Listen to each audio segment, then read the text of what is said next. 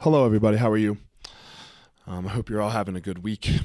Holidays coming up soon, so I hope uh, you are all prepared for whatever it is that brings. Uh, what I want to talk about, I just got back this week from Nogi World, the, uh, the IBJJF Brazilian Jiu Jitsu World Championships uh, for Nogi.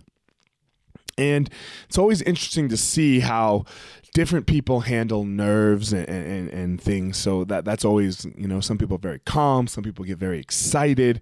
You see the people that run out onto the mat when it's their turn and you see the people that when it's their turn you see the people that walk out very calmly so it's always interesting to see the different ways that this all manifests and one of the things that um uh, I had I was very nervous once for a, a, a fight, and uh, I was with my friend uh, Leister Bowling. He was my coach at the time, but he was also the matchmaker for this event, so um, he couldn't be in the back with us or anything because he uh, he was the matchmaker. That'd be not cool.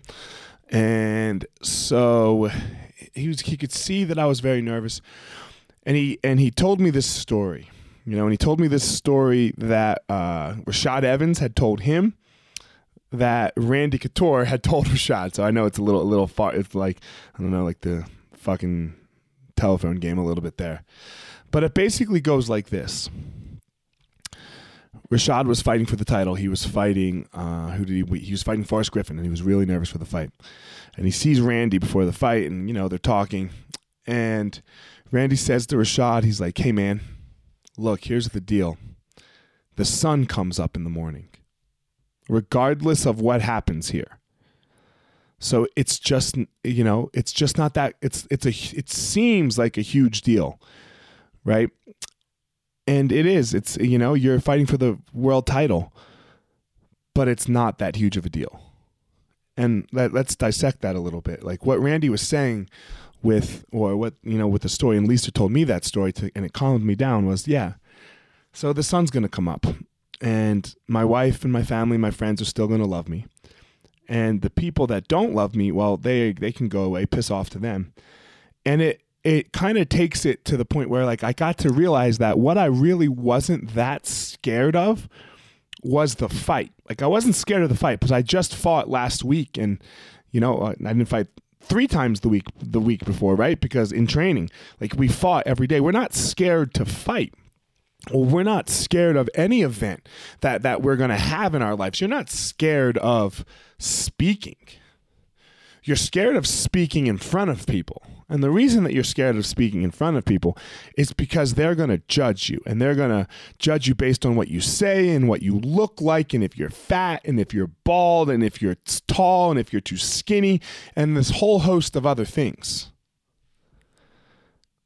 But what Randy was saying with the sun comes up, is another speech will happen and they will forget about you.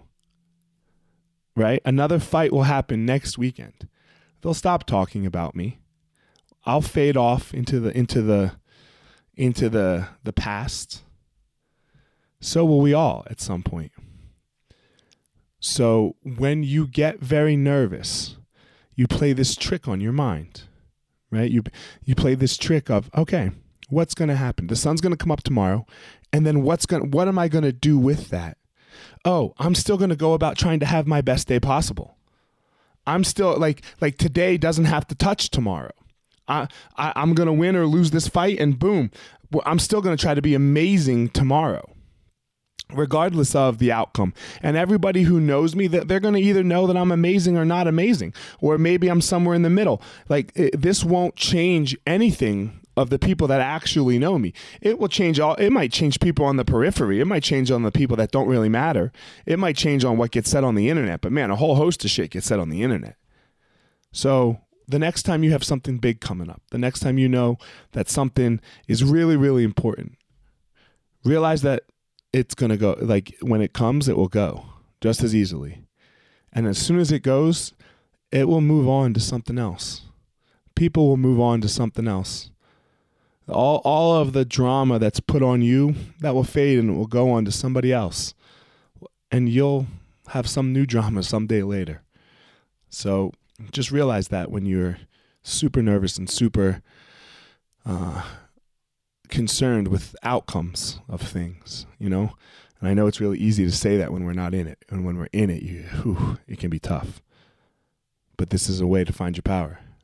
So I hope you all go out hope you all go out there, have a great holiday season and find your power guys. I'll talk to you next week.